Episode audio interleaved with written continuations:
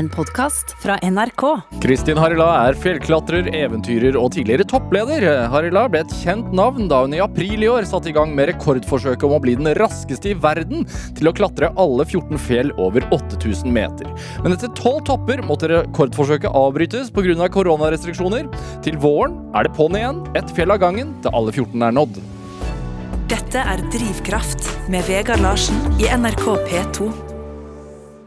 Kristin Harila, velkommen til Drivkraft. Tusen takk. Hvordan har du det? Ganske bra. Jeg begynner å komme meg over skuffelsen, men det har vært eh, Ja, jeg var veldig, veldig skuffa. Huff oh, a meg! hmm. hvor, hvor, lenge sitter en sånn skuffelse i? Altså, nå, nå, når var det du avbrøt? Uh, ja, Det begynner jo snart å bli en måned siden, snart fire uker siden. Ja. Um, det sitter fortsatt litt i, kjenner jeg. Um, men det går litt sånn opp og ned. Innimellom så går det ganske bra. Jeg tenker at det er ja, at ok, sånn ble det, at nå er det bare å se fremover mot neste år. Og så er det litt sånn av og til bare åh, søren, altså, at ikke jeg ble ferdig. ja, og nå, jeg så på Instagram i går at nå ligger du og softer i senga og ser på Grace Anatomy. Og det er en stor kontrast. det er en stor kontrast. Det er det som jeg sånn, må komme meg ut igjen snart, sånn at jeg får uh, ro og fred. Ja, når man er uh, fjellklatrer og liker å bestige sånne de høyeste fjellene i verden. Mm. Liker man også å bestige de lave? um, nei, men det er gøy med tekniske fjell, det syns jeg. Ja. Så altså, det er ikke alltid at det trenger å være veldig høyt. Jeg er veldig glad i å være på tur. Ja. ja. Hva er best med å være på tur? Jeg tror liksom det er friheten og nærheten til naturen. Ja. ja. Og bare slippe alt og bare kose seg ute. og nyte det. Fins det tekniske fjell i Norge? Ja, du har en del som er mer teknisk. Og så er det litt hva slags rute man velger opp også, så det er mulig å finne noen som er hjemme. Vi har en del i Hurungane og så i Jotunheimen som er litt. Og så, ja, det er jo på Vestlandet også flere tekniske, så ja. ja. Men blir det som en slags sånn treningsetappe for deg? Det, det, er god trening, det er det, men det er veldig annerledes å klatre 8000 meter. Ja. Først og fremst er det jo høyden, ja. uh, som er helt, helt annerledes enn å ferde på 2000 meter. Og så er de ofte ikke så tekniske, de fjellene over 8000 meter. Nei. Du har tekniske partier, men det er jo ikke rene klatrefjell der du bare klatrer. Ja. Selv om det er selvfølgelig en fordel å kunne klatre litt, da. Ja. Mm. Prate mer om det rekordforsøket litt seinere. Hvis, hvis vi skrur klokka tilbake i tid til 2015, ja. hvem var du da? Da drev jeg en shada butikk i Tromsø, så jeg mhm. var varehussjef der. Du var? Varehussjef. Varehussjef. Ja. ja. Mm, så jeg tok opp den butikken i 2013, og i 2015 så vant jeg en tur til eh, Kilimanjaro. Men da var hverdagen å lede et lag som solgte møbler? Ja, ja. det var det. Hvor svær var den butikken?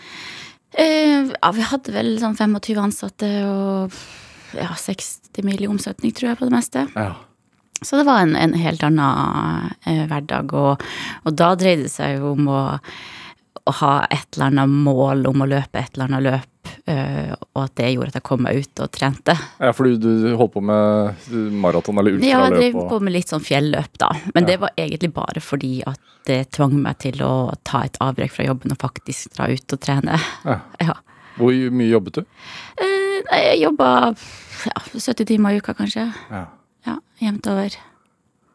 Hvordan var den hverdagen? det var veldig hektisk. Men det er det nå også. Det er bare en annen hverdag. Ja.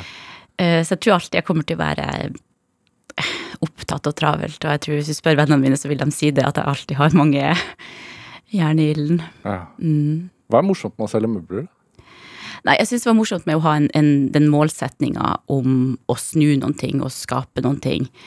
Eh, og få et lag som drev i den samme retninga, som hadde den samme målsetninga, og som jobba i lag mot det. Ja.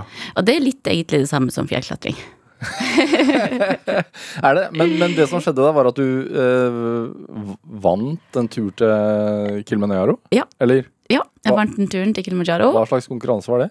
Det var, eh, det var, gikk vel over tre måneder, så var det liksom de beste varehusene, de tre beste varehusene over de tre beste månedene, så skulle det da trekkes én fra hvert varehus. Og så var det en sånn loddtrekning først på et sånn 50-årsjubileum, og da var det en annen ansatt i Tromsø som vant. Ja. Så når vi da var eh, topp tre, så hadde vi eh, hadde vi sånn trekning. Og så var det en som het Alexander, som jeg jobba lenge med, en veldig god venn, som eh, ble trukket ut først. Og jeg var jo da sjefen, så jeg gikk og sa Alexander, du har vunnet turen til Kilimanjaro. Ja. Og så sa han jeg skal ikke sette en fot på det der fjellet. Hvorfor ville han ikke det, tror du? Nei, han, eh, han driver ikke med sånne, sånne ting.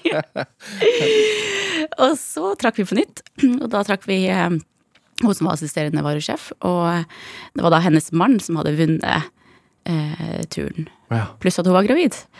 Så hun kunne ikke. Eh, så da ble det ny trekning, og da burnt jeg. Ja. Ja. Så det var jeg jo veldig glad for. Hadde, hvilke fjelltopper hadde du vært på før? Ingen høye. Bare ja, masse vanlige fjell, masse vanlige turer på fjell i Norge og sånn. Hva visste du om Kilimanjaro? Ikke så mye, eh, annet enn at det var det høyeste i Afrika, og at det var ganske sånn eh, lett eh, Det er ikke teknisk fjell, og det er ikke et klatrefjell. Det er jo en, en gåtur til, til nesten 6000 meter. Mm. Men så fikk jeg det jo ganske tøft, på, spesielt på toppstøtet. Mm. Eh, fra foten av fjellet og til toppen så var det nesten 1000 meter, og da Men bare sånn, nå er foregriper du her, fordi altså, da reiser du jo til, reiser du til Kenya eller Tanzania? Tanzania. Ja. mm, Uh, had, gjorde du noen forberedelser?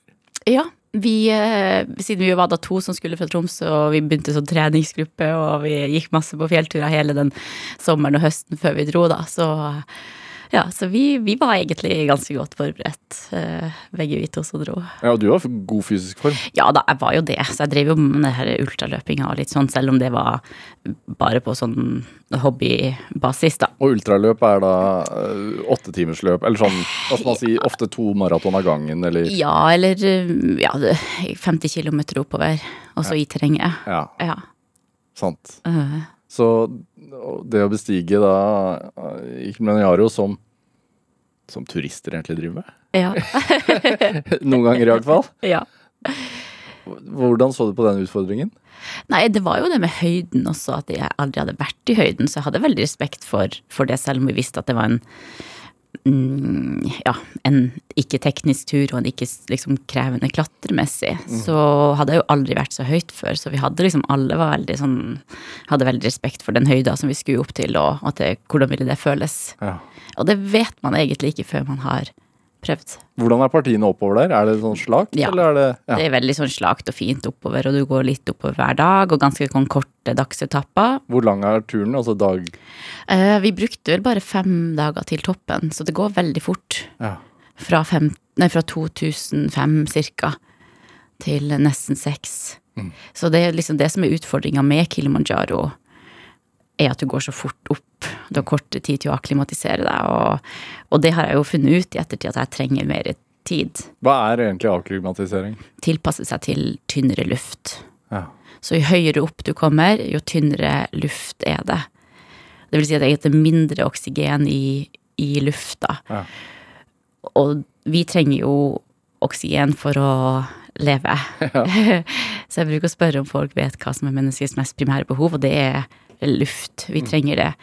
Og hvis vi ikke har det, så, eh, så dør vi. Og så er det ekstremt tynn luft på de her eh, fjellene, mm. og spesielt over 8000 meter. Men oppå, oppover Kilimanjaro, da, når merket du at eh, den, hva skal man si, godt trente idrettsutøveren eh, begynte å slite? Eh, På toppstøtet. På toppen? Ja, På toppstøtet, altså den siste etappen, Ja. som man ofte starter på kvelden, og så er man på toppen liksom på soloppgang. Ja. Og da, inntil vi kom dit, så var jeg egentlig ganske mm, fin form, eller litt sånn tilsvarende som de andre. Og så begynte vi oppover, og så hadde nok de fleste i gruppa vår tatt sånn Diamox, som er sånn medisin for å klare seg bedre. Ok. Eh, Men jeg bestemte meg for å prøve uten. Eh, Så om det bare var det, eller eh, det vet jeg ikke, men for når vi begynte oppover, så eh, kjente jeg bare liksom jeg fikk sånn stiv nakken og press i hodet, og så så jeg bare mindre og mindre og mindre. Altså begynner som en hodepine? Ja, begynner med stiv nakken, faktisk. Ja. Og så bare setter det seg i, i hodet, og så eh, Til slutt så så jeg ingenting. Det var bare mista helt synet. Altså mørkt? Ja. Det bare, bare, synet ble bare mindre og mindre og mindre. Og så så jeg til slutt ingenting, og så spydde jeg. Ja. Og da var jeg sånn åh, gud, det var deilig. Hva skjer da? Nei, da, da fikk jeg synet tilbake og ble bedre. Hæ. Og så Vet, hvorfor har det noe å si, vet du det? Nei, men det er sånn typisk eh, Ja, så, typisk som man føler når man føler høyden, er, er hodepine og kvalm. Ja. Ja. Um, og da kom noen av de som var med og spurte å, skal vi ta sekken din, eller om jeg var sliten. Jeg bare, nei, jeg var ikke sliten i det hele tatt, det var bare høyden. Um, det er sånn litt brattere på det toppstøtet, Ja. men det er, ikke, det er ikke noe tau eller noe stegjern eller noen ting. Nådde du toppen, da? Jeg nådde toppen, men jeg spydde vel tre eller fire ganger på tur opp. Hvorfor ikke gi seg når kroppen sier nei? Nei, det var ikke i tankene mine at jeg skulle gi meg. Og det gikk jo greit, liksom, når jeg hadde spydd. Så var jeg jo liksom bedre. så, um, så det var, var bare det å få, få spydd, og så Ja. fortsatte jeg. Og så ble det mindre og mindre syn igjen, og så spydde jeg på nytt, og så Men du, du sa at du er glad i å være i naturen og naturopplevelser og sånn. Ja. Det høres jo ikke ut som noe, en, sånn, en sånn opplevelse. Nei, selve toppstøtet var jo ikke det. Eh, Men det var utrolig fint når vi kom til toppen og fikk soloppgang og ja, og når vi klarte det. Og så fra toppen så, så visste jeg jo at det var liksom veldig enkelt ned. Så jeg spurte han eh, eh, Så jeg spurte han guiden vår så er det greit at jeg løper ned. Eh, Og så sa han ja ja, bare løp. Det var jo bare én vei, liksom. Det var ikke noe mulig å gå feil. Eller det er, ikke noe, det jo ikke noe bred sprekker, eller noe, det er jo ikke noe rappellering eller noen ting. Så det var bare liksom en sti ned som var litt bratt noen plasser. Men skal man ikke også ta nedstigningen i Nei da, det trenger du ikke. Da er det bare å komme seg ned. Ja. Ja, For da vil jo kroppen hele tida få mer og mer oksygen. Og det ser vi på dem som blir alvorlig høydesyke. Med en gang så er det å få dem fortest mulig ned. Ja. Og da blir veldig mange bedre ganske fort når de kommer nedover. Um, så da bestemte jeg meg for å løpe, og så var det vel en fem-seks stykker som hengte på i starten, og så falt jeg av alle, alle sammen etter hvert, og så var jeg nede på to timer, faktisk. Oi, og hva er vanlig tid? Nei, jeg vet ikke, kanskje ti timer eller noe sånt. Ja. Det var mange som brukte lang tid ned, for mange har problemer med det å gå, gå i ulendt terreng nedover. Men før den turen så var du varehussjef, Ja. og du likte å løpe. Ja. Men hvem var du etter? Nei, um, det hadde gått ganske bra i den butikken som jeg drev i i Tromsø. Så i 2016 så uh, fikk jeg et spørsmål om å komme og hjelpe litt til sentralt i Skeidar. Og det var egentlig bare snakk om noen uker først, og så ble det noen måneder, og så uh, ble det til jul, og så ble det permanent, da. Eh, så da jobba jeg først et halvt år med eh, Ja, jobba liksom på tvers av avdelinger, og eh, tok med meg to veldig flinke eh, gutter fra Tromsø. Så vi jobba mye i lag. Og så tok jeg over da alle butikkene i april 2017. Så da hadde jeg ansvar for alle. Alle Skeida-butikkene. Ja. Ja. Så du nådde en topp der, på en måte? Ja. det, det gjorde jeg jo. Og så var det ikke noe sånn Det eneste målet mitt var jo å var jo å, å snu resultatet, liksom, og, og skape et resultat ut av det. Jeg hadde ikke noe sånn Verken når jeg begynte i Troms eller når jeg begynte sentralt, så hadde jeg ikke noen sånn kjempestor målsetning om å få den øverste stillinga eller, eh, eller noe i den duren. Det var mest bare det at jeg hadde lyst til å, å oppnå et, eh, et resultat der, da. Hvordan snur man uh, negative resultat til et positivt? I en butikk så er det veldig enkelt. Eh, og så kompliserer man det ofte for mye, for det å drive butikk er egentlig bare pluss og minus. Du må tjene penger på de varene du selger, Ja. og så må du ha en bruttofortjeneste på det, og så må du ha de rette folkene til rett tid i butikken. Ja. Hvis du har de rette folkene til feil tid, så når ikke kundene er der, så hjelper det ikke. Og så må du ha eh, rette produkter til rett tid, og til rett pris. Så det er egentlig veldig enkelt.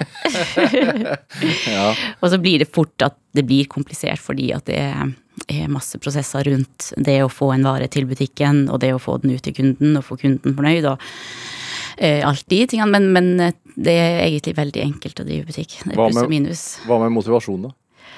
Ja, motivasjonen min var jo å, å skape et resultat ut av det. Ja. Eh, og jeg visste jo at det var, var mulig fra den jobben som jeg hadde gjort i, i Tromsø, og at det var en ganske enkel Det er enkelt, men det krever enormt med innsats, det skal sies. Eh, Hvordan motiverte du andre? jeg tror det å få dem til å eh, få et slags, en ansvarsfølelse og et eller annet slags tilhørighet både til arbeidsplassen sin og til resultatet som vi sammen skal skape. Ja. Og inkludere og involvere dem i, i målsettinga og, og, det vi driver på med, så tror jeg det er en, eh, en viktig greie. Hva var det som gjorde at motivasjonen din snudde, da? Fra å levere gode resultat for en møbelkjede til å Hva skal man si? Eh, slutte på dagen? Slutte på dagen, ja. Og bestige Tinder. Mm, nei, det hadde mm, I den rolla sentralt så er det en helt annen greie enn å drive sin egen lille butikk. Mm. Um, og hadde i, i lang tid um, stanga hodet i veggen i forhold til å oppnå resultater, og jobba fortsatt ekstremt mye. Og det er greit å jobbe mye hvis man ser resultater ut av det. Og så eh, fikk jeg en mail, og så skjønte jeg at nå er det på tide å finne seg noe å gjøre. Hm. Og så gikk jeg på jobb dagen etterpå, og så sa jeg opp. Og så slutta jeg dagen etterpå. Hadde du, noe, altså hadde du noe mål og videre ønske da? For Nei, deg selv? Det eneste jeg visste, var at jeg skulle ta ett år og bare være på tur og gjøre det som jeg hadde lyst til. Så jeg hadde på en måte et ønske om å bruke mer tid ute. Eh, det hadde jeg. Ehm, men jeg visste ikke hva jeg skulle gjøre, bare at jeg måtte gjøre noe annet. Og at jeg hadde jobba ekstremt mye i i seks år, og at det var, liksom, det var på tide å, å, gjøre noe annet. Og så var det litt det her med å mm, liksom legge ned en stor innsats, og så, så, ser man ikke noen resultater av det. Og hvis du gjør det for mange ganger, mm. og i hvert fall hvis du opplever at ikke det er din egen eh, At du er liksom ute av um, muligheten til å styre det, så, uh, så var det sånn ok, nå er det greit. Du skal begynne å gå på fjell i stedet? Ja, og det med å gå på fjell, det er jo så utrolig enkelt. Selv om det er ekstremt krevende, så er jo det bare det å komme seg opp til toppen, et steg foran neste, og så komme seg trygt ned. Dette er Drivkraft med Vegard Larsen i NRK P2. Og i dag er eh, Kristin Harila fjellklatrer her hos meg i Drivkraft på NRK P2 i dag. Det er jo altså hvor Altså bestem... Merker jeg det, du kverner det oppi huet mitt her. Hvordan går du fra det til å drive butikk og ha vært da på Kilimanjaro, som jo er imponerende i seg selv, men til å tenke at nå skal jeg bli Tinder-bestiger og bestige de høyeste fjellene i verden? Ja, jeg tenkte ikke at jeg skulle bestige de høyeste når jeg slutta. Eh, jeg tenkte bare at jeg måtte gjøre noe annet. Og så dro jeg til Nepal. Det var faktisk en planlagt tur. Ja i september 2019. Eh, og For å? For å bestige en 6000 meter og en 7000 meter. Ja. Egentlig to 6000 meter, men vi fikk for dårlig vær. Så dro jeg dit, og Men var det et resultat av at du hadde blitt smittet av en eller annen sånn uh, fjellbestigings... Uh, virus da du var i Afrika, eller? Jeg hadde lyst til å prøve meg på mer fjell, det hadde jeg. Ja. Så det var en god venn av meg som ringte i februar 2019, eh, og hadde da fått, fått nummeret mitt hos, hos, Martin Andresen, som er eier av uh, Shadar. Ja. Som hadde da sagt at han også skulle være med på, på denne turen på 6000 meter. Uh, og så hadde han tipsa om at jeg også kanskje hadde lyst til å være med. Så han, Bjørn Arne Evensen ringte meg og så spurte om jeg hadde lyst til å være med på et ordentlig fjell. Og så sa jeg ja, det hadde jeg selvfølgelig. og et ordentlig fjell, det er da over 8000 meter. Ja. Og det er da 14 av dem. Ja. I verden. I verden. Så da var planen Det er bare 14? Det er bare 14, ja. ja. Mm. Så det er ikke så mange. Nei. Så planen var faktisk å bestige Choyu, som er et av de fjellene som jeg nå mangler. og jeg sa ja til det her, og visste jo selvfølgelig da at jeg måtte være ca ja, i hvert fall seks uker borte fra jobb, mm. men hadde avtalt det og hadde lagt opp en god plan for det. Men så slutta jeg jo i, i, juni 2019. Mm. Så da ble jo situasjonen litt, eh, litt, enklere i forhold til å være borte såpass lenge. Og eh, i løpet av ja, våren da så, så vi at det var vanskelig å få tillatelsen til Tibet mm. også da, og da er vi tilbake i 2019. Eh, og bestemte oss for å flytte til et fjell som var 7002. Og for min del så var det egentlig greit å gjøre det, fordi jeg hadde jo ikke vært høyere enn en 5009. Mm. Så da dro vi til eh, Kumbu, området rundt Everest, og besteg først Lobuche East, som er 6001. Og på tur opp den morgenen så fikk vi bare en sånn helt fantastisk soloppgang. Mm. Og så så jeg Everest, som det ligger veldig nært. Og så sa jeg til Bjørnar at det ser jo ikke så høyt ut. og det er da verdens høyeste fjell. Ja. Og han hadde vært der i 2007. Og da tenkte jeg at ok, jeg må prøve meg på Everest. Og er du skrudd sammen sånn at hvis du, setter, altså hvis du setter deg et mål, så, så gjør du ditt for å få det gjennomført? Ja, jeg gjør nok det. Og jeg har liksom lurt på noen gang hvorfor kan ikke jeg velge noen mål som er litt lettere. Jo, men Har du vært sånn hele livet? Altså Ja, Helt tilbake til liksom barndom? Og så Ja, sannsynligvis. Og så har det nok bygd seg litt på, da, fordi det å sette seg et såpass høyt målsetning, og det å Eller for, for min del så gir det en drivkraft ja. som gjør at jeg putter alt inn i å få det til. Um, så um, Har du noe svar på hvorfor? Nei, ikke helt hvorfor det er sånn. Men, eh, men det er jo noe med det å sette seg en høy målsetning og virkelig gjøre alt man kan for å få det til, og så går det, eller så går det ikke. og det tenker jeg det er, er en del av gamet, og det er jo litt sånn det har endt med opp nå, da. Det, hvorfor var det så fristende å stå på toppen av Everest? Hva var det som fristet når du så det i, i det fjerne? For det første så var det utrolig fint. Vi hadde en sånn fantastisk eh, soloppgang der, og det så helt magisk ut. Og så selvfølgelig det at jeg liker å være på tur, men så er det også verdens høyeste fjell. Og det er jo selvfølgelig en målsetning i seg sjøl, det å bestige verdens høyeste fjell. Ja, Å kunne si det? Eller bare vite det? Ja, og ha gjort det, liksom. Vært på verdens høyeste fjell, det er jo ganske gøy. Ja, er det det? Hvordan er det det? Du har jo vært der. Ja, to ganger, faktisk. Ja. to ganger på under et år. ja. Så det holder jo ikke med én. Nei, og så sa jeg liksom, når jeg dro ned fra Lotse, som er nabofjellet, mm. den 22. mai i år, så hadde vi også helt utrolig fin solnedgang. Og det var bare vi som var der, og det var helt sykt. Vi hadde da besteget Everest og Lotse på åtte og en halv timer. Ja. Raskeste kvinne i verden til å Ja. de to toppene. ja, så det var en ny verdensrekord fra den vi satt våren 2021, Ja. på tolv timer.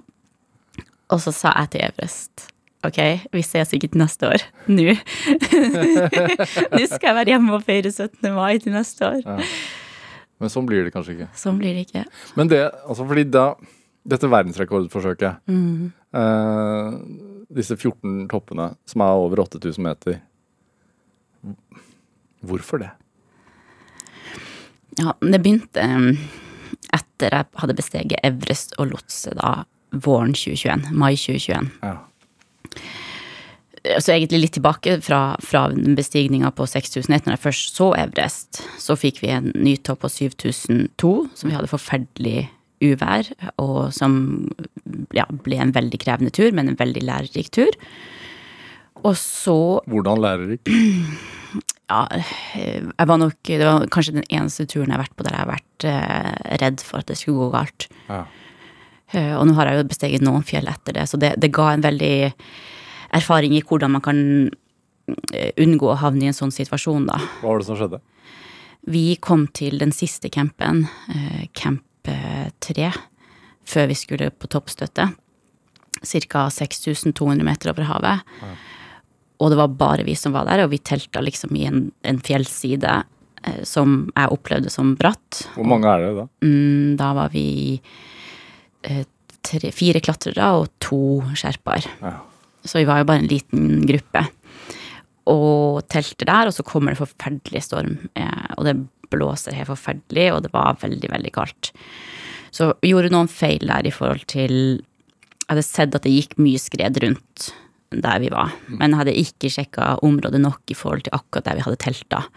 Så den natta så var jeg veldig bekymra for at det kom skred. Og vi hørte at det buldra rundt oss.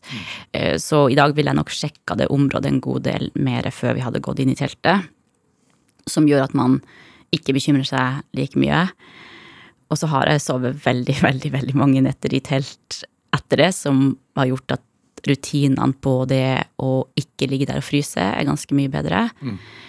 Um, ja, så Og pluss at man man opplever det litt annerledes etter hvert jo mer erfaring man har med det. Og spesielt når det kommer en, en storm, og det høres ut som hele teltet holder på å blåse av fjellet. For du veit jo innerst inne at det er livsfarlig, egentlig, det man gjør. Ja, det, man vet jo at det er farlig, det vet man. Og så vet man, eller i hvert fall det er del man kan gjøre for å unngå at det er Eller unngå risikoen da, en, en god del, til en viss grad. Selv om alle vet at det er en, en del risiko med det. Men i hvert fall det i forhold til å, å bli redd, da, så har jeg ikke vært redd etter den turen der, da. Nei. Det har vært eh, episoder innimellom der jeg har tenkt at ops, det var nære på, liksom. Men, men ikke sånn at jeg har vært redd over tid, sånn som jeg var den natta. Hvordan vil du beskrive frykt som egenskap hos deg selv? Det er jo en opplevelse av, av en ting som man kanskje hører at man er ute av kontroll, og altså, så, så kan ikke jeg si at jeg, jeg føler jo veldig lite på frykt. Og jeg tror at hvis jeg hadde gjort det, så hadde det vært veldig, veldig slitsomt å drive på med det som jeg driver på med. Ja. Og jeg ser det veldig tydelig på de fjellene, fordi alle de her 8000 meterne er det jo stort sett mye folk på. Og vi ser det godt på dem som syns at den frykten er, er krevende. Og vi ser det også godt på dem som på en måte syns det er krevende at det er kaldt, f.eks. Hvis, hvis man er redd, ha, ha, har man da mindre sjanse for å lykkes? Ja, du bruker mye energi på det. Ja. Ja. Og du klarer kanskje ikke å hvile like godt og sove og slappe av som vi må gjøre. ja. Restituere seg og avklimatisere seg er like viktig nesten som å, å bestige det. Men altså det, det jeg tenker på når du når du kommer opp på Everest, verdens høyeste topp, og så ser du da Ser du ned på Lotse, eller ser du bort på Lotse? Ja, Den er jo litt lavere, men du ser bort på Lotse. Ja. Ja. Og når du da står der, og så Verdens høyeste fjell, toppen av verden, da. Så tenker du ja, ja. Nå må vi forte oss, for jeg skal nå den toppen. ja, vi hadde vært eh, Nyter du det ikke, da? Så jeg tenkte det etterpå at Eller jeg tenkte det når jeg begynte på det her prosjektet i år, så tenkte jeg at jeg skal i hvert fall nyte toppen. Fordi når vi var på toppen av Everest i 2021 og kom opp og så at vi hadde brukt eh, seks timer opp, Ja. Som Som er fort. Det er veldig, veldig fort. Jeg hadde kanskje tenkt sånn ti til tolv timer opp, som er nok mer enn vanlig. Ja. Og vi hadde jo passert kanskje 100-150 stykk på turen opp, Eh, så jeg visste at vi hadde vært ekstremt raske. Og det var da jeg tenkte at ok, det er mulig å gjøre lotse også. og så visste jeg at værvinduet var på 20 timer, ja. så da måtte For om vi 20 liksom timer så kommer det en storm. Ja, da kom det for dårlig vær, så hvis vi skulle klare det, så var det liksom å gjøre begge på én dag, da. Hvordan, Så, hvordan motiverer du deg da? For du er jo sliten må være. ja, men det er også bare en slags opplevelse, liksom. Og, og vi klarer så utrolig mye mer sånn fysisk enn det vi tror. Og jeg kunne jo også løpe to timer før at åh, gud, jeg er sliten, liksom. Men det lengste vi har holdt på nå, er jo 41 timer. Med løping. Nei, med gåing og klatring og ja. Så det, det, man klarer veldig, veldig mye mer enn Og det er, så, det er jo ikke farlig å være sliten.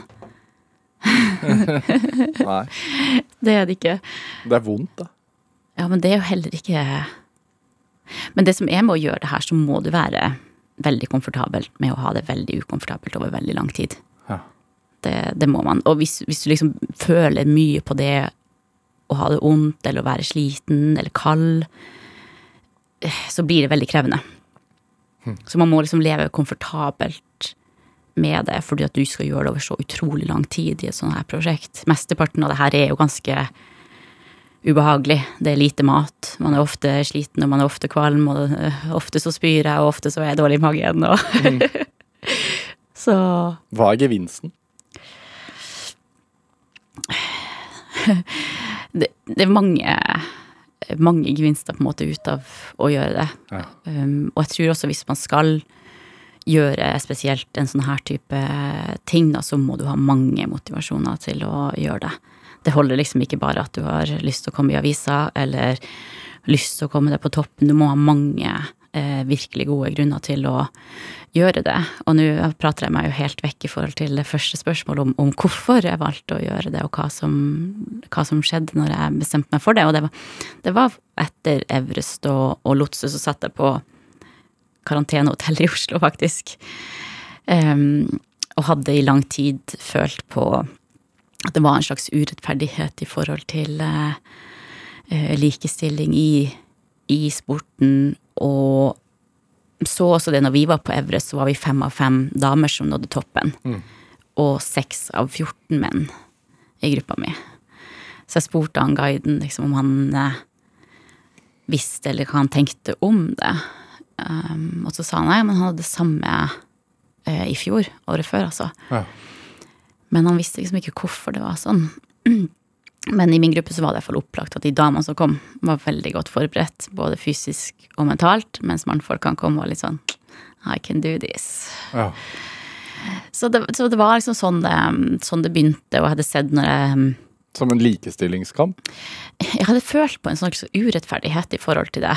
Ja. Eh, og så hadde jeg følt på det at vi er jo like sterke som, som mannfolk oppe der. Vi er akkurat like stor eh, sjanse for å komme oss opp. Og det var ikke det. Jeg så jo det liksom, når, når vi var på tur til Everest, så så jeg jo Jeg passerte jo masse folk. Jeg var jo Jeg bærte alt mitt sjøl. Mm. Eh, jeg hadde bare skjerpa fra Camp 4 og til toppen. Jeg bærte alt mitt sjøl opp til Camp 4. Og de aller fleste andre hadde jo enten én skjerpa fra base camp eller to. Mm.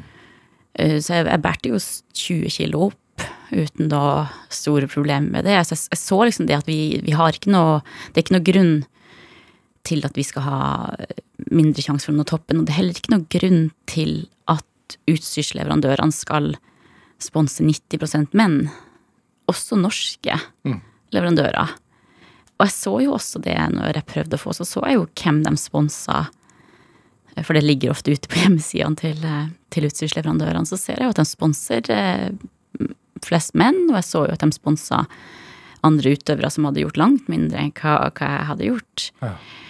Og jeg så også det at når jeg skulle ha utstyr, så var det store internasjonale leverandører som produserte kjempekule, lette, tekniske fjellklær som de lanserte i med brask og bram. Mm. Kun i herrestørrelser. Og da ble det sånn for meg liksom at de sier til alle jentene du kan gå på en hikingtur med fjellklatring bare for guttene. Mm. Så jeg har liksom følt på det liksom i mange sammenheng. Um, og tenkte det at ok, den beste måten å endre noe på her, er jo å vise at vi er like sterke. At du er best i verden? Eller at en ja. kvinne er best i verden? Raskest? Ja. Jeg tenkte, jeg tenkte, lite sånn best i verden, liksom. Jeg tenkte bare at ok, jeg har lyst til å endre noen ting her. Og så visste jeg jo at Nimstad hadde gjort det her prosjektet i, i 2014. Mm. Og visste selvfølgelig at det kom til å bli ekstremt krevende, og spesielt i forhold til å få tak i nok penger til å gjøre det. Mm som var en stor, eh, stor Kanskje den største utfordringa ved siden av visumprosessen, da. Så, så, tenkte jeg at jeg Ja, at hvis jeg kan gjøre det og bruke prosjektet i ettertid til å endre noe i denne sporten, og forhåpentligvis gjøre det lettere for jenter etter meg til å bli tatt på alvor i forhold til leverandørene. Så, og jeg syns jo det fortsatt at leverandørene har en, en jobb å gjøre. Og, og, selv om jeg tror innad i sporten, så tror jeg folk har skjønt eller mange i hvert fall har skjønt at, um, at vi er akkurat like sterke. Mm. Så, så, tenker jeg at vi har fortsatt en, en, jobb å gjøre, og at utstyrsleverandørene må gå i seg sjøl og se. Ta en titt på sin egen hjemmeside. mm, mm. Uh, Harila, vi skal spille litt musikk. -hmm. Um, du har med en låt som tar oss uh, langt fra fjelltoppene, holdt jeg på å si. Uh, vi skal høre nordnorsk julesalme. Hvorfor det? fordi det er den fineste julesanga. og ja, veldig glad i Nord-Norge og nordnorsk musikk og fjellene i nord og ja. folkene i nord. Du tar deg litt hjem? Ja. Velsigna du dag over fjorda. Velsigna du lys over land. Velsigna de evige orda om håp og ei utstrekt hand. Sorg dette lille du ga oss. Den dagen du flytta oss hit. Så vi kjenner du aldri vil la oss forkomme i armod og slit.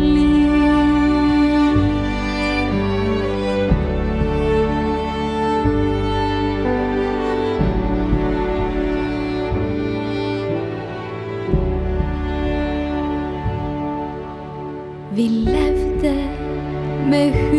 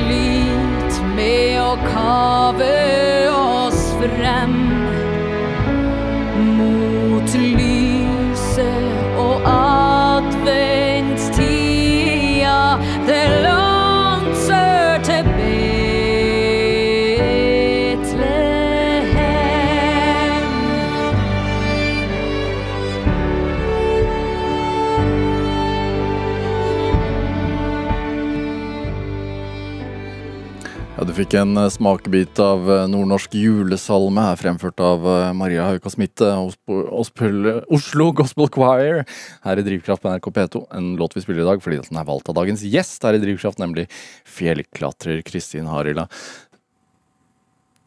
Nordnorsk julesalme, du er fra nord. Ja, Hvor, er det hvor i nord? fra Vadsø. Ja. Så ikke så mye fjell der. Nei. Hva var høyeste toppen? Eller hva er høyeste toppen? Eh, jeg tror litt over 500 meter midt på Varangerhalvøya. Ja. Ja. Det er ikke så høyt. Nei. Bo, vokste opp ganske eh, lavt over, eh, over havet. Ja, det er sånn 20 meter til sjøen. Ja. Hvem var du som barn? Jeg var veldig aktiv. Så jeg drev på med langrenn og fotball og hordenball og ja. Ja.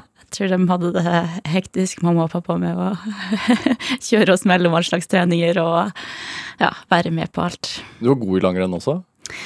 Ja, det var ok.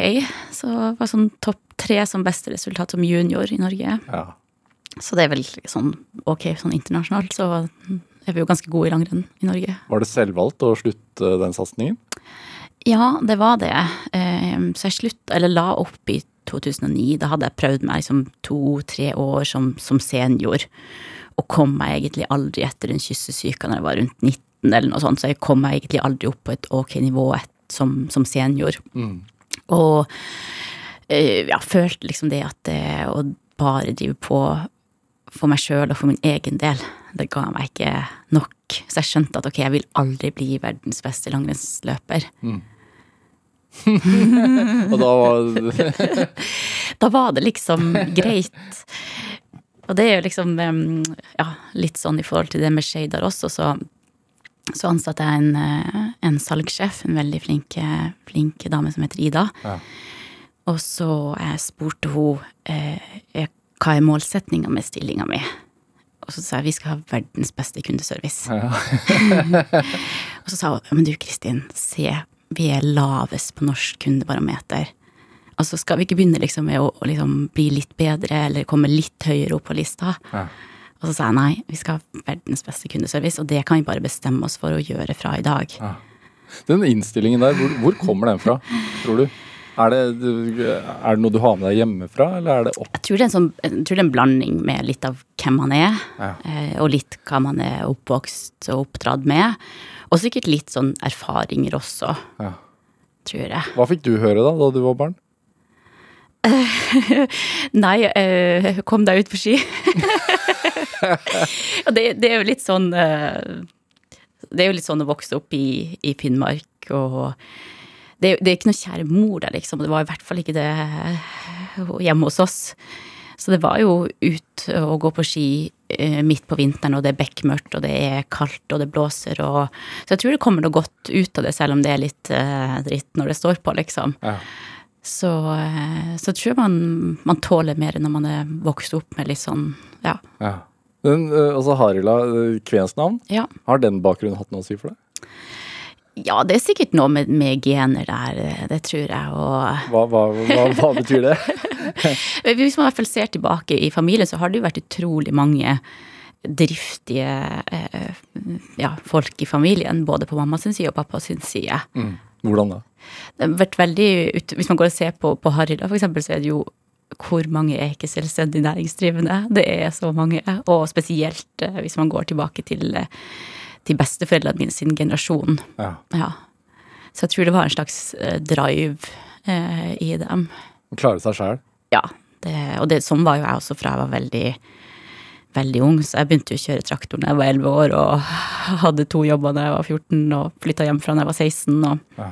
kjøpte min første leilighet med en gang, og gikk i banken sjøl og sa jeg måtte ha et lån.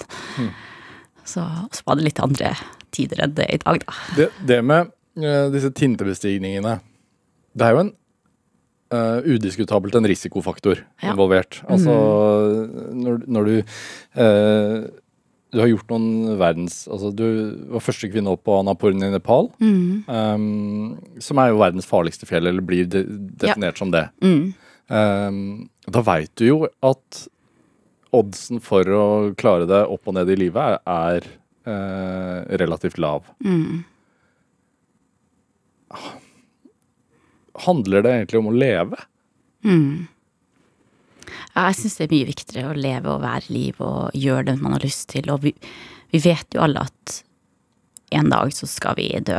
Ja. Og det å leve og gjøre det som man har lyst til, er mye viktigere enn at det blir den eller den dagen det, det er over. Og hvis jeg dør på en fjelltopp, så dør jeg lykkelig der med det jeg liker å drive på med, og, og jeg hadde syntes det vært mye verre å få kreft, liksom.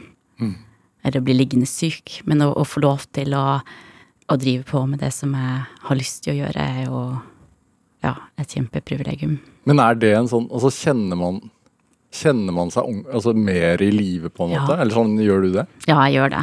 Og det er nok sikkert litt det som er sånn søken og lysten tilbake. For det er klart, den første dusjen etter to måneder, eh, og den første seng, natta i en vanlig seng, er jo deilig. Ja. Men etter det så er jeg jo klar for å dra tilbake. Og det er jo lysta etter det å være ute og være i telt, og det å jobbe mot den her toppen, og eh, forhåpentligvis klare det å komme ned i livet og liksom kjenne Man kjenner jo at man lever når man er på sånne turer. Blir det en Hvordan blir samholdet dere, det, dere Tindebestigere Mm. imellom? Fordi dere er jo, vil jeg da si, en, en egen rase. ja, Er dere det? ja, det vil jeg helt klart si. Det er det. Og så ser man liksom dem som kanskje er der mer for å huke av eh, eh, Everest på lista, Ja. eh, kontra dem som eh, elsker å drive på med det, og som er der eh, av flere grunner. Hva er forskjellen?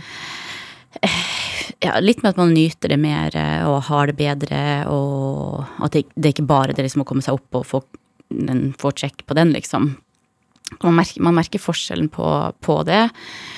Uh, og så blir det sånn veldig samhold mellom alle. Og for min del så er det jo Betyr det så mye mer uh, de vennskapene som man får, og det å dele det samme med andre, kontra bare det å nå toppen.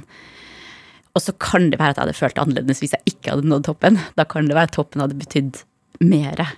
Men så når man ser tilbake på en ekspedisjon, så er det jo alltid samholdet og vennene og opplevelsene sammen som betyr så mye mer enn akkurat det. Og sånn som K2, for eksempel, som, som mange opplever som, som farlig og krevende, var jo en sånn enkel eh, Jeg skal ikke si enkel, men, men en av de enklere toppene for min del. Men det som absolutt betydde mest for meg, var jo det å nå toppen sammen med en god venninne av meg fra USA. Og at vi klarte det begge to sammen, og, og var på toppen samtidig. Hvorfor blir samholdet så sterkt? jeg tror nok det er litt for å dele de opplevelsene. Og, og de opplevelsene er jo ekstreme, eh, og det er krevende, og man blir sliten, og man blir trøtt, og man blir kald, og øh, hovedvenninna mi frøys ekstremt mye i Camp 4, og da tok, åpna soveposen hennes og tok ut beina hennes og tok av sokkene og varma tærne hennes på magen min, og eh, ja, vi spyr og går på do i lag og sover tett i lag, og så man blir veldig nært hverandre. Ja. Så er, eksisterer verden utenfor? Åh, det er det som er så deilig. Å bare komme opp dit og liksom, ja, vekk fra alt og bare ro og fred. Og ofte så har man jo ikke noe dekning heller. Så det tvinger jo også alle til å være til stede der vi er. Hva snakker man om da? Litt forskjellig fra, fra fjell til fjell, liksom. Vi så jo spesielt kanskje på Annapurna at det var en spent stemning eh, egentlig i alle campene og i alle liksom, teltene når vi lå der, og, og folk er spent og nervøse på neste etappe. Og, Fordi man kjenner risikoen. Ja, ja, og det, var nok den der det var mest eh, føling på spenninga. Og så har det vært andre der det bare har vært sånn slag i slag, der man har gått opp til én camp, og så neste camp, og så neste camp, og så toppen, og så helt ned, der det har gått veldig radig unna. Men Annapurna brukte vi mer tid på, og det var desidert kanskje den toppen som har blitt opplevd som mest eh, farlig også. Når man når en sånn topp,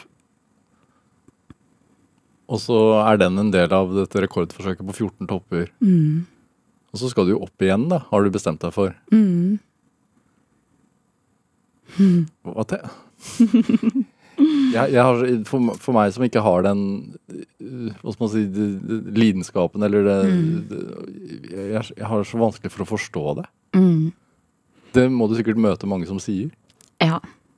Og det er jo ekstremt. Det er jo eh, Treng, altså, har folk, altså, sånn, trenger andre folk egentlig å forstå det?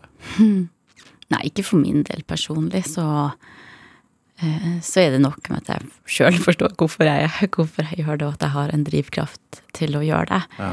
Men jeg bestemte meg med en gang det var over forrige år, og tida rant ut, og vi hadde ikke fått tillatelsen, så bestemte jeg meg liksom umiddelbart at jeg skal tilbake neste år. Eh, Hvordan finansierer du det?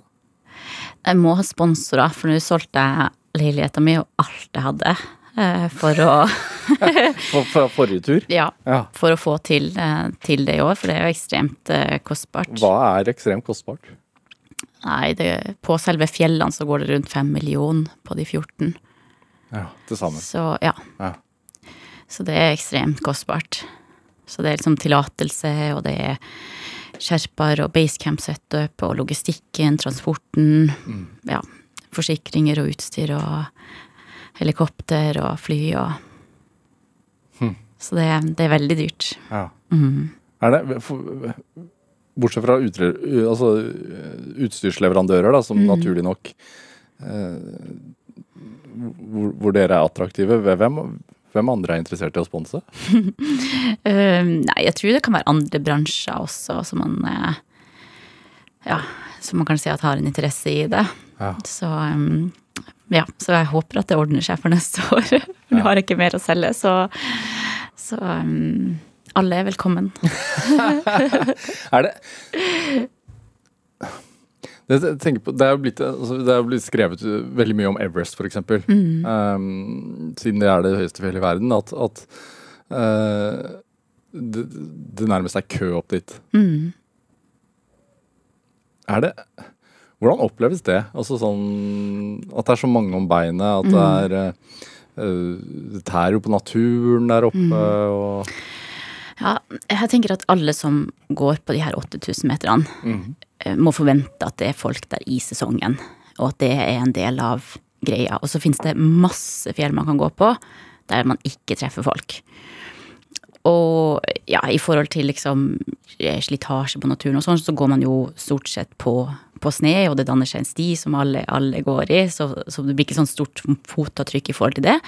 Og så er det selvfølgelig en diskusjon om, om søppelet. Og på de aller, aller fleste fjellene så er det ingenting. Og så har vi to fjell som skiller seg ut, og det er Everest og K2. Eh, Så nå hadde jeg egentlig planlagt et helt annet prosjekt for neste år, og, og, og drive en slags opprydnings... jeg tror at det er mulig å, å få en stopp på de, de fjellene som man ser søppel på. Mm. Så det var egentlig planen min å, å gjøre det eh, i 2023. Men det er vanskelig å gjøre det samtidig med et så stort prosjekt som jeg skal i, i gang med nå, da. Så det får, eh, vi får eh, gå i gang med det i 2024. Men, men de aller fleste fjellene er, er, er veldig rene og fine og uten og eh, ja, det, det, er, det er folk på fjellene også, tenker jeg. Liksom, det er jo bra at folk er ute og bruker naturen. Og, ja, og så må alle forvente det, hvis man går på en 8000 meter i sesong, at det er folk der. Og forholdet til sherpaene er eh, blir jo også diskutert mye. Hva tenker du om det, da? Jeg har hatt to sherpaer med meg på alle, alle tolv, og man kommer veldig nært hverandre og ja, veldig, veldig sterke og utrolig viktige. Og det, det er jo sånn også med alle dem som går på 8000 meter, så, så bruker man fiksa tau.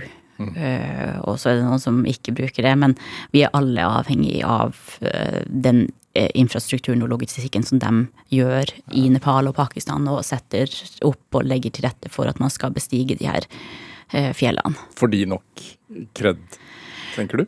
Eh, jeg har i hvert fall passa på å, å gi, gi dem som har hjulpet meg, eh, ja, all kreden de fortjener. Og, og de har vært veldig viktige. Og så er det selvfølgelig noen som, som ikke bryr seg like mye om det, men, eh, men de aller, aller fleste eh, vet hvor viktig de er, og, ja, og setter veldig pris på den jobben som de gjør.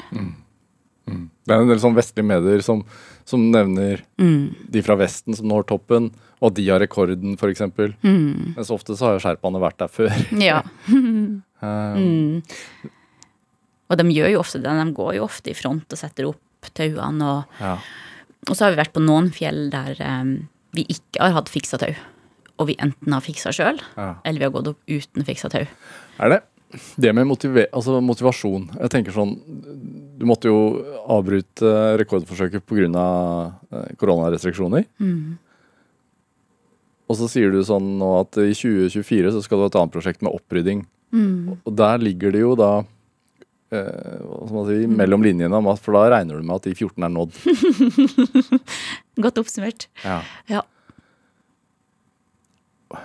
Hvor, er det en hemmelig, altså er, er det en av hemmelighetene? At du tenker at det skal jeg gjøre? Det, er, det, det kommer ikke til å bli noen problemer nå? Det, Jeg tror det. Og det er jo sånn det har vært um, På hvert fjell nå så har jeg bare tenkt ett fjell av gangen og nå det. Og så har jeg, Nå er jeg ferdig Anaslu 22.9, så tenkte jeg hele tida at det her skulle gå.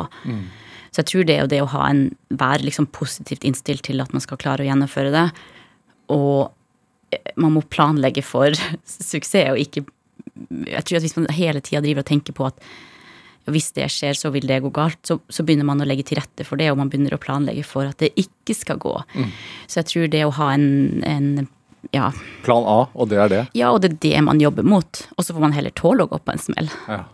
Og det var sånn med min, for min del kanskje jeg burde forberede meg på at at det ble nei, og at vi ikke fikk 14. Men det tenkte jeg ikke på i det hele tatt. Ah. Så jeg var jo i sjokk. I, i, I hvert fall en uke så følte jeg nei, at det her var ikke sant. Hvordan kunne det ikke gå, liksom? Um, Men de toppene du ikke fikk, da, skal du ta de ja. Du skal ta de? Så jeg reiser til Nepal om en uke. Ja. og skal gjøre den første kvinnelige vinterekspedisjonen. Uh, første bestigninga fra Nepal, På hvilket? Choyu, Ja. som er fjell nummer 13, som ligger helt på grensa, som normalt bestiges fra Tibet. Eh, og som en, en enklere bestigning fra Tibet, og en veldig, veldig, veldig vanskelig og krevende fra Nepal-sida Ja. som kanskje har vært besteget for 30 år siden, men man vet ikke. Og uansett så er det en ny, ny rute opp, og første kvinnelige vinterbestigning. eh, Så det, det tror jeg blir veldig bra. Og det som er at hvis jeg klarer den nå, så har jeg da ikke 16 fjell å gjøre til neste år, men 15. og denne våren så gjorde jeg jo seks i Nepal på 29 dager. Ja. Og det å skulle gjøre ni på samme tidsrom er ekstremt mye.